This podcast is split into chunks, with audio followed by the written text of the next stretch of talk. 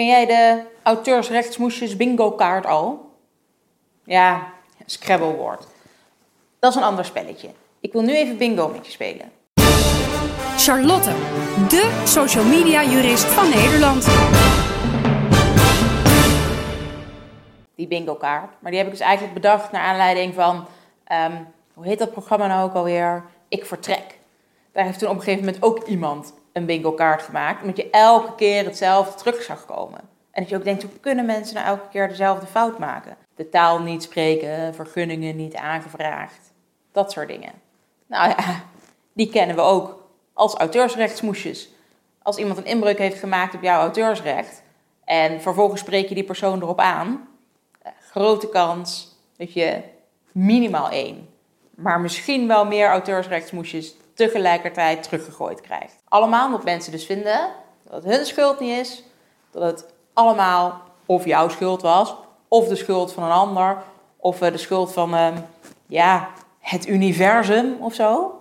Geen idee. In elk geval wil ik eigenlijk wel even met je bespreken wat je nou moet doen op het moment dat je zo'n smoesje teruggegooid krijgt. Dan kan ik je niet meteen hapklare antwoorden geven voor elk smoesje dat je te horen krijgt. Het gaat een beetje om het idee. Er zijn van die smoesjes als het stond op Google, het stond op internet. Ja, maar het was niet beveiligd. Allemaal dat soort smoesjes. Daarmee willen mensen eigenlijk zeggen: ja, ik dacht dat er geen auteursrecht rustte op jouw werk. Want ja, ik kon het zo ergens vandaan halen. Er stond geen watermerk op, geen copyright teken bij. Het was allemaal niet beveiligd. Dus zou ik het wel moeten kunnen gebruiken. Zo werkt het niet. Ook een fiets zonder slot mag je niet jatten.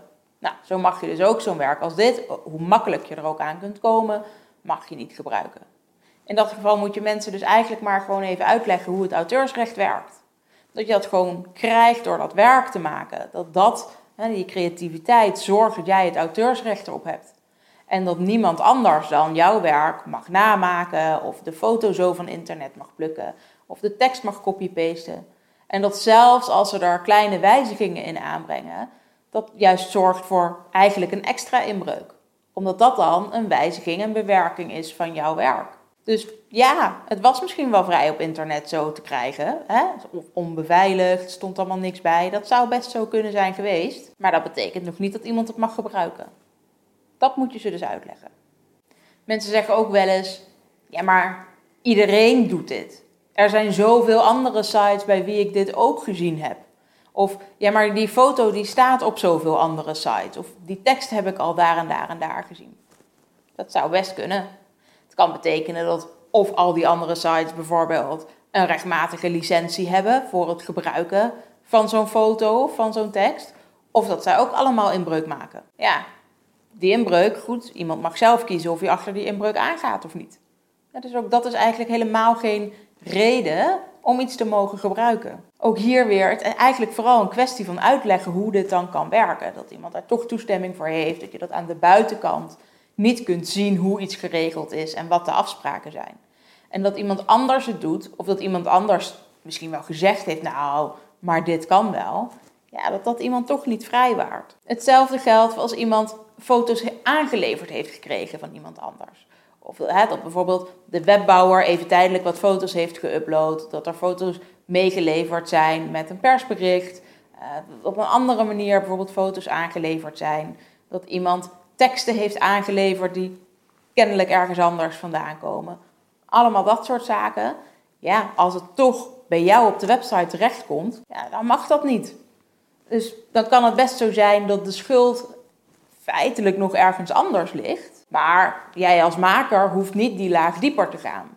Jij kunt dan tegen iemand zeggen, ja, maar het stond op jouw website en dat mag niet.